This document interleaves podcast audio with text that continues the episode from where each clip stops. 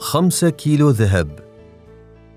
قصة واقعية كتبها نوزا الصواش إن بلغت أرباحي الشهرية خمسة كيلو ذهب يوماً فسأخصص خمسين بالمئة للطلبة والمدارس وتربية الشباب وخمسة عشر بالمئة لصديق السيد شعبان. أعاهد الله على ذلك. نظمي إن جاء ذلك اليوم فسأنفق حصتي في سبيل الله على الطلبة والمشاريع التربوية. أعاهد الله على ذلك. شعبان. كنت هناك. أمسك بيدي كتاب الكلمات وأقرأ تلك العبارات. كان الموسم شتاء والوقت ليلا والأمطار غزيرة والرياح شديدة البرودة.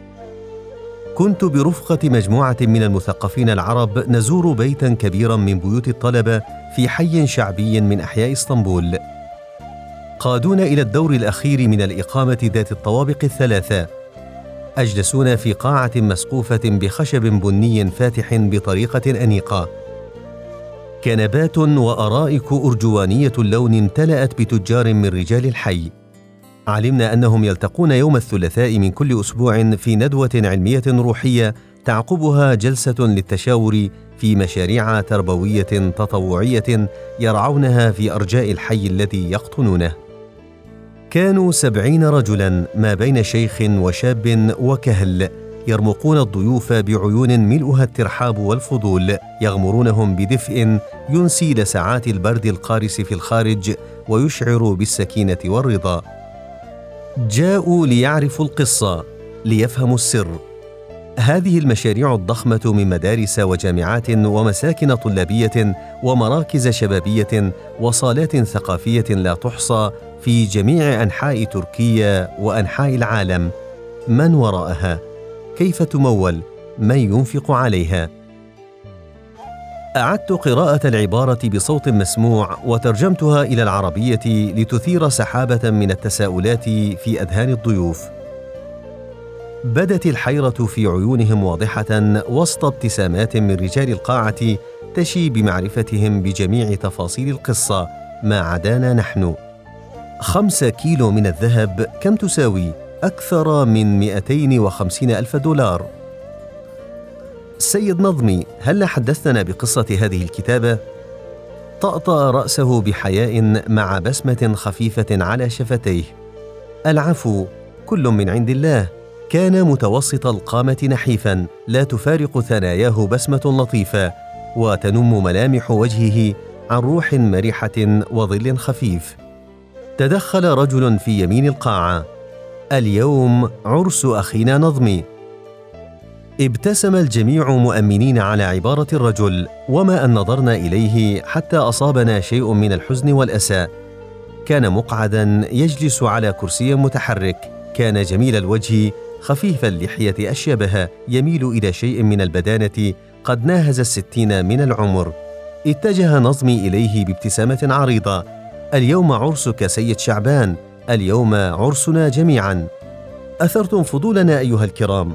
جئناكم لنسمع ونرى فعجلوا بالحديث أكرمكم الله. قالها الكاتب الصحفي من بيروت بصوت ملؤه حماس في طلب الزيادة؟ هز الضيوف رؤوسهم مؤيدين. ارتفع صوت هادئ من الزاوية الشرقية. أخي نظمي أسمعنا. فإكرام الله على عباده لا ينفد. أطلعنا على إكرام الكريم. قالها شيخ في الثمانين صقلت الحكمة صوته وأنار الإيمان وجهه. نظمي سيدي شعبان أنت صاحب الفضل في هذا الجمال. حدثهم أرجوك. فإني أخجل من إعادة القصة على مسامع الإخوة للمرة العشرين ربما. تدفقت عبارته كماء منهمر بلهجة تركية شرقية فاتتني بعض كلماتها لكنني استوعبت المعنى. شعبان محفزا. احكي أخي قصتك قصتنا جميعا. عاشها كل واحد منا بنكهة أخرى. وقف على قدميه بأدب جم. خيم على القاعة هدوء مهيب. شعرنا بنفحات من الأنس والسكينة تغمر جوانحنا. قال ولدت فقيرا ونشأت فقيرا وخلت أنني سأعيش فقيرا وأموت فقيرا. دوى صوت السيد شعبان في أرجاء الصالة. الفقير من حرم معرفة الله وخدمة عباد الله يا أخي. ترقرقت الدموع في بعض الوجوه. واصل نظمي حديثه. احترفت صناعة الأثاث منذ صغري. وعندما أحسست بالشجاعة في نفسي اكتريت ورشة صغيرة في مدينة الأثاث. بل سمها زاوية. وكرا مغارة. لا تتجاوز مساحتها ثلاثة أمتار. أصنع فيها مساند خشبية للأرائك والكنبات حسب الطلب.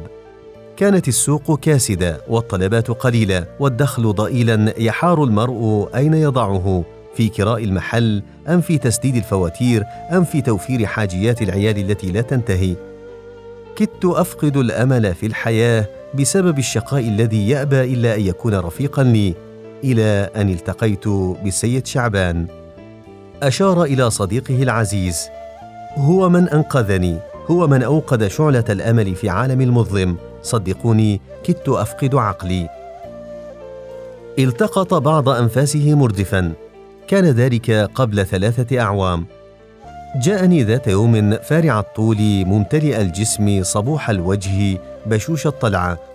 طلب مني أن أصنع له مساند للكنبات. ألقى الله محبته في قلبي من اللحظة الأولى. دفع لي استحقاقي في حينه دون نقصان فوثقت في أمانته. ثم غاب عني بعد ذلك مدة كسدت فيها تجارتي وألمت بي حالة من الملل واليأس.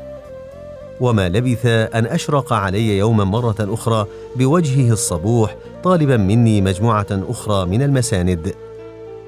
كان يزورني كل يوم يجاذبني أطراف الحديث يحدثني بكلام يخفف عني عناء الحياة. كان لكلامه حلاوة في قلبي لا توصف. سيدي شعبان لا يمكن أن أنسى فضلك علي. ذلك فضل الله علينا أخي نظمي كلنا ذلك الرجل الذي هداه الله بعد ضياع. قالها بثقة أمن عليها الجميع. وفي إحدى المرات جاءني السيد شعبان قال هل تذهب معي؟ إلى أين؟ إلى مكان ستحبه.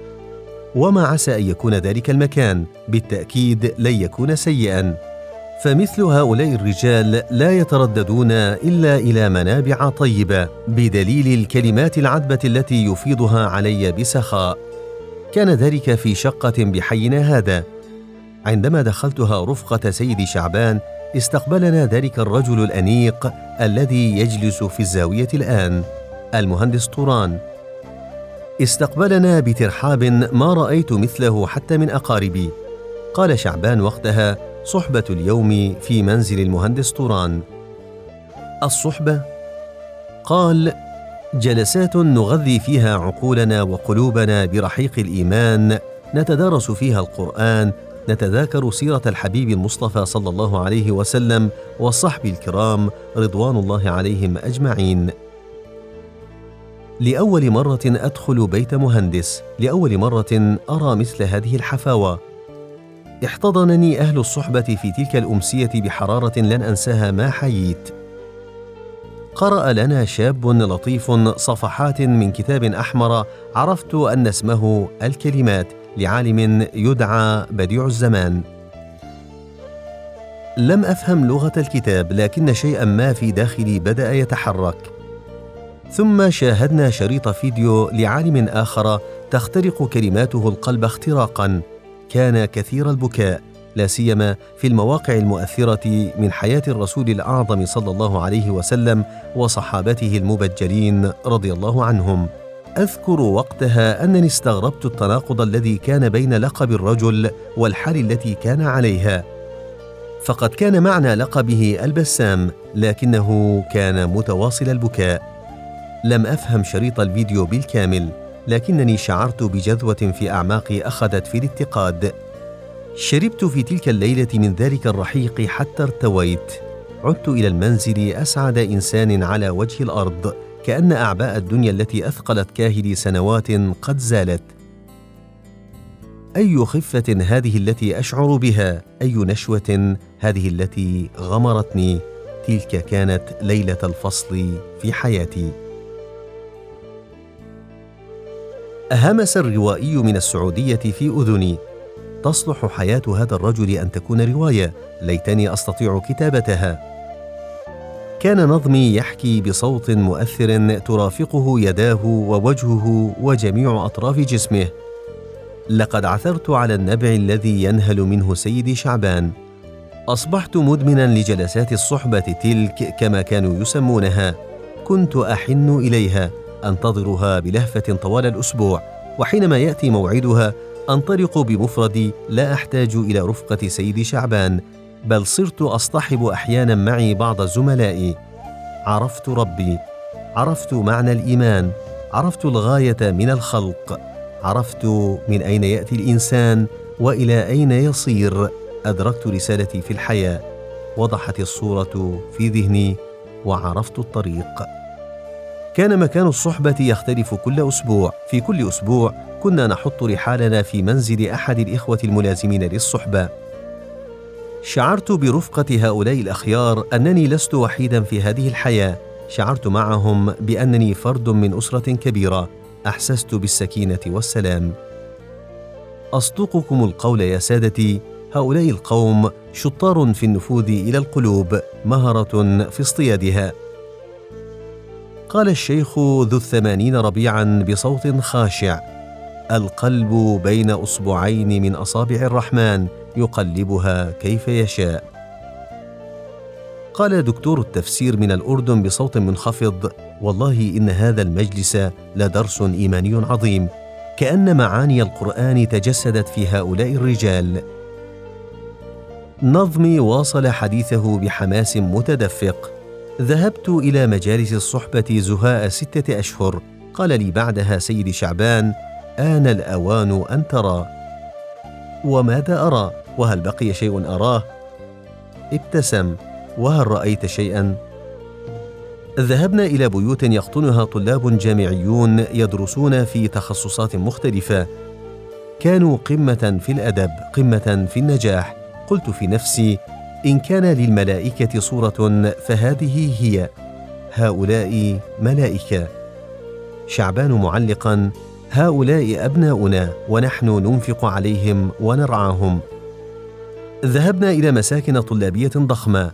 قال هذه المباني نبنيها لأبنائنا. زرنا مدارس مبهرة. قال هذه المدارس نؤسسها لأبنائنا. قلت مندهشا ما أكثر أبناءكم وما أكثر أموالكم؟ قال أخي نظمي أبناء هذا الوطن أبناؤنا وأموالنا أرزاق ساقها الله إلينا لننفقها فيما ينفع أبناء أمتنا. هؤلاء الشباب فسائل غضة طرية إن لم تسقى الفسائل الطرية بالماء العذب ماذا يحصل لها؟ قلت تموت. قال صدقت. فنحن نعيش من أجلها. نسقيها لتنمو وتزهر وتثمر فتتحول ربوعنا إلى رياض غناء. أبهرني الطلبة. أبهرتني المدارس والمساكن والنشاط الدائب وروح العطاء العالية.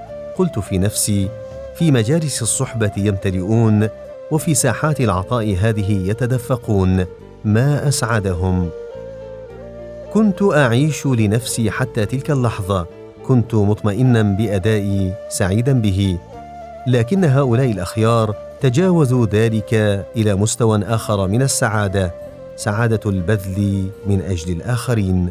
فكيف السبيل إلى تلك القمة السامقة يا ترى؟ كان التجار يحدقون إلى الضيوف بعيون تحاول قراءة وقع الكلمات في نفوسهم. كان الضيوف في قمة الانتباه والتركيز يتابعون كل كلمة يتفوه بها السيد نظمي بعناية شديدة رغم الإرهاق الذي خلفته الزيارات التي قاموا بها طيلة النهار. ارتفعت نبرة صوته عندما قال حتى جاء ذلك اليوم سكت هنيهة شعرت أثناءها كأن أنفاس الجميع قد توقفت. القصة مثيرة والسيد نظمي يحكيها بجميع كيانه وكأنه يعيشها من جديد. في ذلك اليوم جاءني سيدي شعبان إلى الورشة. قال الليلة عندنا مجلس همة. مجلس همة؟ وما مجلس الهمة؟ هل بقي مفاجآت أخرى لم تخبرني عنها؟ قال بصوت وادع لطيف أخي نظمي الليلة ليلة العطاء. سنجتمع هذا المساء في منزل أحد الأحبة كالعادة. أبناؤنا في بيوتات الطلبة يحتاجون إلى منح دراسية. حينا يحتاج إلى مساكن لطلاب الجامعة يحتاج إلى مدارس. الأمة تحتاج إلى همة. هذه ليلة الصديقين. أتذكر الصديق أبا بكر فداه روحي كيف ضرب لنا المثل الأعلى في العطاء يوم دعي إلى ذلك؟ أتذكر الأستاذ هوجا أفندي كيف بكى أثناء حديثه عن الصديق رضي الله عنه؟ هذه ليلة البذل. في مجالس الهمة يحدد كل واحد منا ما سيبذله لتلك المشاريع التربوية التي رأيتها بأم عينك. هذا موسم سنوي للعطاء يعقده فرسان الخدمة فيما بينهم في تركيا وفي مناطق شتى من العالم. فنقب يا أخي في أعماق قلبك. وحدد ما تقدر على إنفاقه مستعينا بالله. قلت في نفسي هذا ما كنا نبغي. هذه فرصة اللحاق بالركب هذه لحظة القفز إلى مقام هؤلاء الفرسان. ذهبت إلى المنزل. جمعت كل ما أملك من مال كسبته خلال الفترة السابقة. كان خمسة وثلاثين ألف ليرة تركية. ما يعادل في هذه الأيام عشرة آلاف دولار أمريكي. جمعت الأوراق المالية في عشر رزمات ضمنتها كيسا واحدا ووضعتها على الطاولة. هذا كل ما أملكه في الحياة. هذه الرزمات العشر هي كل حياتي. لكن تلك السعادة التي بدأت أعيشها منذ أن التقيت بشعبان لا تقدر بثمن. تلك المشاريع الإنسانية العظيمة لا تقدر بمال. القفزة إلى مقام الصديقية حلم يراودني ويلح علي بقوة. حسمت الموضوع في نفسي. غدا مساء سأكون في مجلس الهمة. لكن ما المقدار الذي ينبغي أن أنفقه؟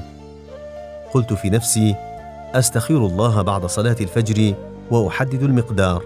والله الميسر. صليت الفجر في مسجد الحي بمشاعر روحية سامية. أحسست بخفة غريبة. كان قلبي يرفرف كالفراشة فرحا. قلت في نفسي لقد تغيرت حياتي مع هؤلاء الأخيار. أصبح لها طعم آخر.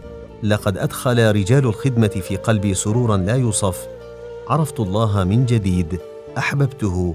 عرفت الحبيب المصطفى صلى الله عليه وسلم من جديد وصحبه الأكارم فأدركت دوري ورسالتي في الحياة. ثم إن هؤلاء يقومون بمشاريع صحيحة. يبنون الإنسان يزرعون فسائل الخير في كل مكان يسقونها بدموعهم ويرعونها ليل نهار حتى تستوي على عودها وتنطلق لخدمة الإنسان كالجياد الاصيله لا والله لن اخذلهم لا يليق بي أن أتصدق تصدق البخلاء يرمون قرشا أو قرشين ويحسبون أنهم قد أحسنوا صنعا. سأنفق عشرين بالمئة من تلك الرزمات العشر. نعم سأنفق الخمس. واطمأن قلبي إلى ذلك. قال التاجر المغربي بصوت ملؤه الحماس أحسنت بارك الله في مالك. لم يفهم نظم العبارة لكنه حدث أنه يثني على عمله. ابتسم له وأشار بيده اليمنى أن تمهل قليلا فإن المفاجآت قادمة. قال وضعت الرزمات العشر في حقيبتي وانطلقت بها إلى الورشة أزاول عملي كالمعتاد وبالي مشغول بما سيحدث في المساء والنسبة التي حددتها بعد صلاة الفجر لكنني سعيد جدا. أمازح أشقائي بين الحين والآخر يضحكون مرحين متغامزين فيما بينهم أخونا نظم اليوم غيره في الأيام السابقة هناك لغز غامض في سلوكه اليوم. بعد صلاة الظهر فتحت يدي أدعو الله أن يثبتني فيما عزمت عليه ويوفقني إلى إتمامه ولا يترك للشيطان إلى قلبي سبيلا. لكن بعد قليل شعرت بوخز في قلبي بنوع من عدم الرضا بشيء من الانقباض. قال لي ضميري هذا قليل.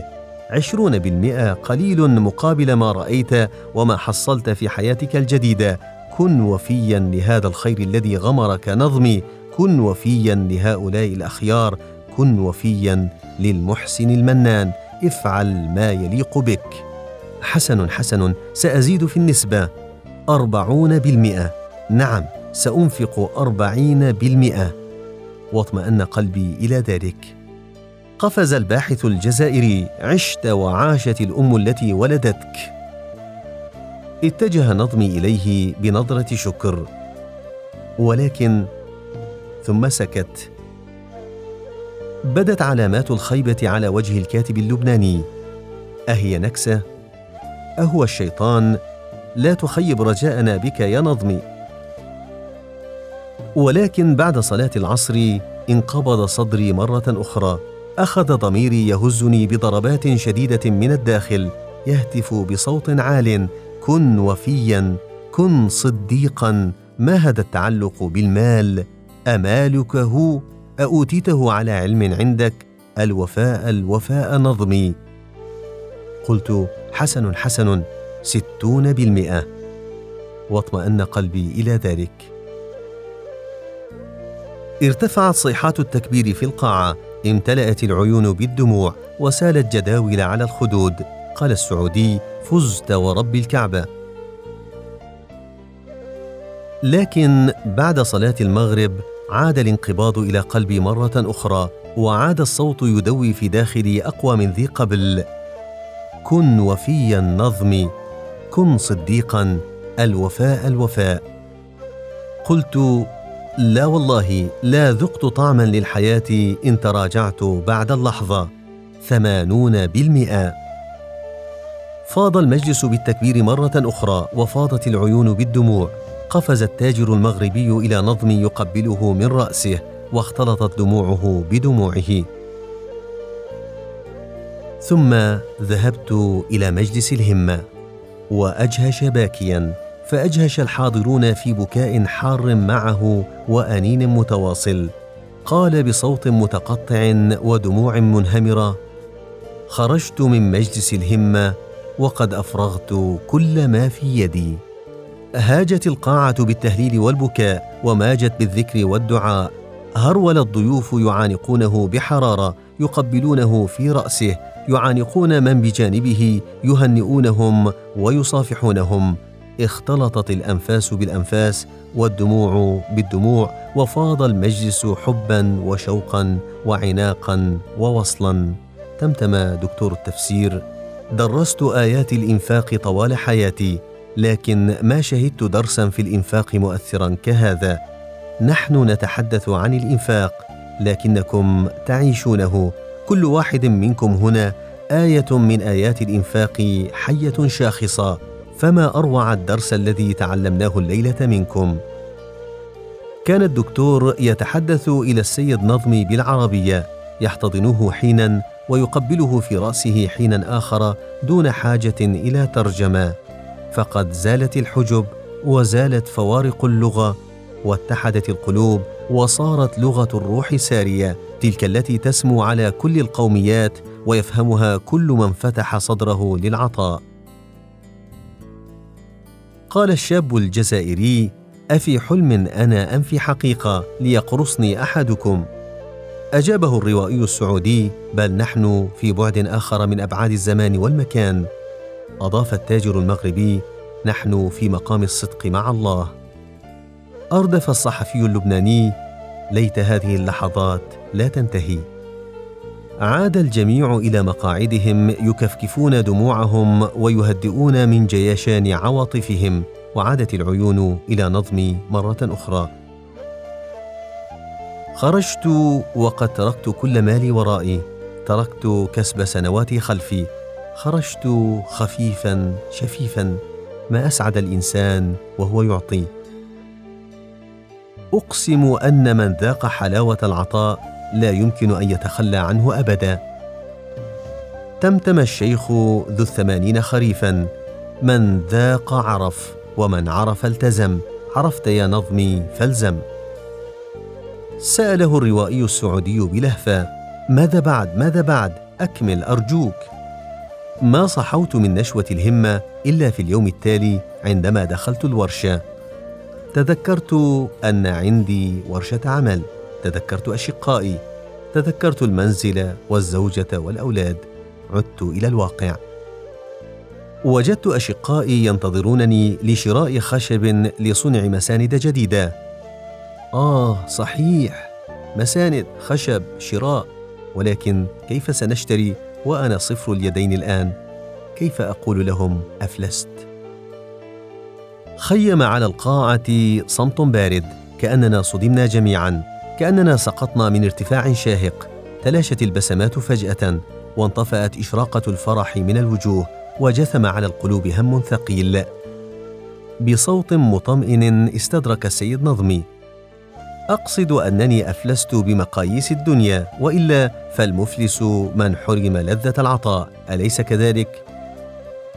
تمتم السيد شعبان مؤيدا والغني من امتلأ قلبه بمعرفة الله ومحبته وبلغ مقام الصديقين. جلست على مقعدي في زاوية الورشة أفكر فيما يمكن أن أفعله بعد اليوم وكيف أشتري خشبا لمواصلة العمل. جلست زهاء ساعة من الزمان سلمت أمري إلى الله. لست نادما لست قلقا ولا مرتبكا بل مطمئن كل الاطمئنان. إن الذي رزقني نشوة الروح وأكرمني بنعمة الإيمان وعرفني على هؤلاء الأخيار لن يتركني وحدي فهو المستعان سبحانه.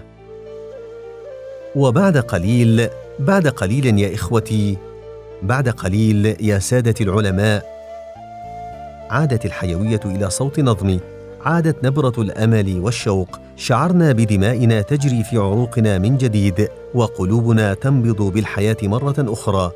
بدا لنا أن هناك تحليقة أخرى. شحذنا الهمم للانطلاق وتهيأنا لكل مفاجأة. بعد قليل ظهر في باب الورشة رجل فارع الطول أنيق الملبس أشقر الشعر والبشرة تتوهج نظارته السوداء تحت أشعة الشمس يحمل في يده اليمنى حقيبة جيمس بوند بنية اللون. مرحبا. عرفت أنه ليس تركيا. توقعت أن يكون روسيا. فما أكثر التجار الروس الذين يترددون إلى محلاتنا؟ رغم أنني لم أنعم بواحد منهم حتى اليوم. أهلا أهلا تفضل. قال بلغة تركية مكسرة هل تصنع اثاثا هنا؟ أحتاج إلى مجموعة من الأرائك والكنبات. هل تجيد صناعة الأرائك والكنبات؟ بالتأكيد بالتأكيد. كم واحدة تريد؟ أريد أن تصنع لي ثلاثمائة كنبة ومئتي أريكة. ممكن؟ كدت أقول ممكن لكن من أين أجد المال لشراء البضاعة؟ بالكاد كنت أشتري خشبا لصناعة المساند فأن لي بالمال لصناعة هذا الكم من الأرائك والكنبات؟ لم ينتظر الروسي إجابتي أرى أن عندك فريقا فتيا يستطيع أن يسلمني البضاعة خلال أسبوعين أليس كذلك؟ كنت مشدوها لا أدري ماذا أقول تلفت ناحية أشقائي نقبت في رأسي عن عبارة يمكن أن أقولها للرجل. فرصة ذهبية جاءتني في لحظة حرجة جدا لا أريدها أن تضيع.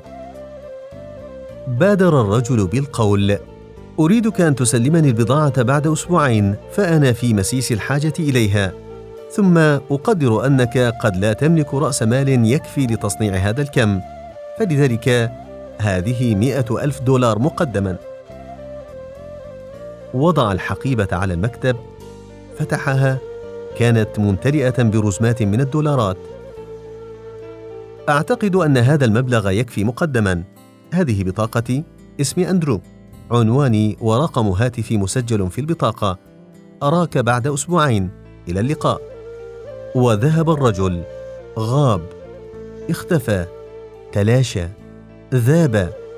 وبقيت ساهما شاردا مشدوها. لا أصدق ما وقع. انتفضت على صوت شقيقي الأصغر. أخي نظمي أخي نظمي أهذه الدولارات حقيقية؟ قفزت من مكاني. تحسست الدولارات. شيء لا يصدق. انطلقت أمشي في الورشة ذهابا وايابا كالمجنون. أتلفت بين الحين والآخر إلى حقيبة الدولارات وسط نظرات اشقائي الحائرة. عدت إلى الحقيبة من جديد. كلا. كلا لعلها مزحة سمجة من أحد الأصدقاء في مدينة الأثاث. حرام عليكم لماذا تعبثون بمشاعر الغلابة من أمثالنا؟ أحمد خذ هذه الرزمة واذهب بها إلى المصرف في زاوية الشارع وتحقق منها. هل هي أصلية أم مزيفة؟ انطلق أحمد كالبرق. مرت لحظات كأنها سنون. لاح بعد قليل من بعيد يلوح بيديه فرحا مهللا فأدركت أنها حقيقية. خارت قواي. انحلت مفاصلي. ارتميت على المقعد مجهشا في البكاء. بكيت وبكى معي أشقائي. بقينا مدة على هذه الحال لا نعرف كم طالت لا نسمع سوى أصوات بكائنا. يا إلهي! أنفقت البارحة ما يعادل عشرة آلاف دولار فعادت إلي اليوم مائه ألف. ارتفعت التهليلات في القاعة من جديد ودوت التكبيرات وسالت الدموع وتعانقت القلوب والأرواح وسمونا إلى الأعالي جميعا أي رفعة هذه وأي سمو؟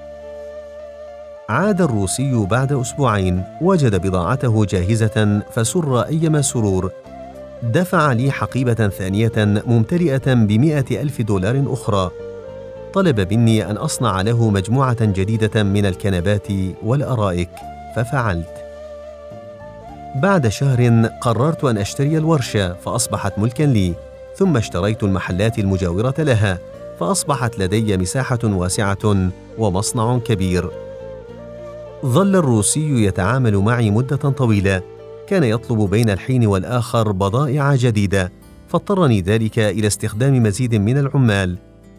جاءني في الأشهر المقبلة زبائن آخرون أتراك وأجانب من مناطق شتى فأسست ورشا أخرى توجتها بعلامة تجارية خاصة بمصنوعاتنا. وذات يوم قررت أن أفتح محلات صغيرة لتسويق منتوجاتنا فأسست مجموعة من المحلات في أماكن مختلفة من إسطنبول. أقبل الناس على منتجاتنا من كل صوب وفاض علينا الخير من كل جانب. قال التاجر المغربي العشرة بمئات الآلاف. قال بصوت هادئ ينبض شكرا وامتنانا لم أنقطع عن مجالس الصحبة قط. لم أنقطع عن مجالس الهمة. حرصت على أن يكون لي حظ وافر من العطاء في بناء الأجيال. حرصت على الا أتخلف عن الركب مهما كانت المعوقات. تمتم الشيخ العارف ذو الثمانين عاما ذلك فضل الله يؤتيه من يشاء. التفت إلى السيد شعبان. يرجع الفضل في تعرفي على هذا الخير إلى سيدي شعبان. قبل ثلاثة أعوام جاءني انتشلني من وحشتي. أخذ بيدي وسار معي برفق حتى علمني كيف أسير. شعبان بصوت رزين كلنا ذلك الرجل أخي نظمي كلنا ذلك الرجل لكل نظمي منا شعبان. اتجه نحوي ونظر إلى كتاب الكلمات في يدي. قبل عام ونصف تقريبا وفي ليلة من ليالي الصحبة الإيمانية فاضت مشاعر الامتنان في قلبي لربي اولا ثم لرفاق دربي من بواسل الإنفاق والعطاء ثانيا. فطلبت من أستاذنا الشاب الذي قرأ علينا فصلا من الكلمات أن يناولني الكتاب لأسطر فيه هذه العبارة.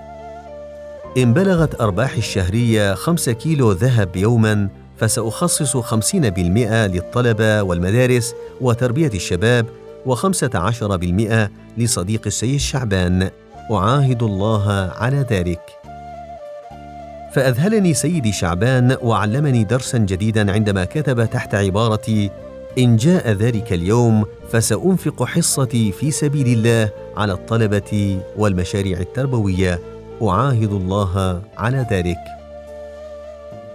تسابق السادة الضيوف في إخراج هواتفهم الجوالة لالتقاط صور لتلك الكتابة قال مضيفا أحتفظ بالكتاب منذ ذلك اليوم. وأخيرا في هذا الشهر بلغ دخلي الشهري خمس كيلو ذهب ولله الحمد. فجئت بالكتاب لأعلن أمام الجميع أنني على العهد ما حييت.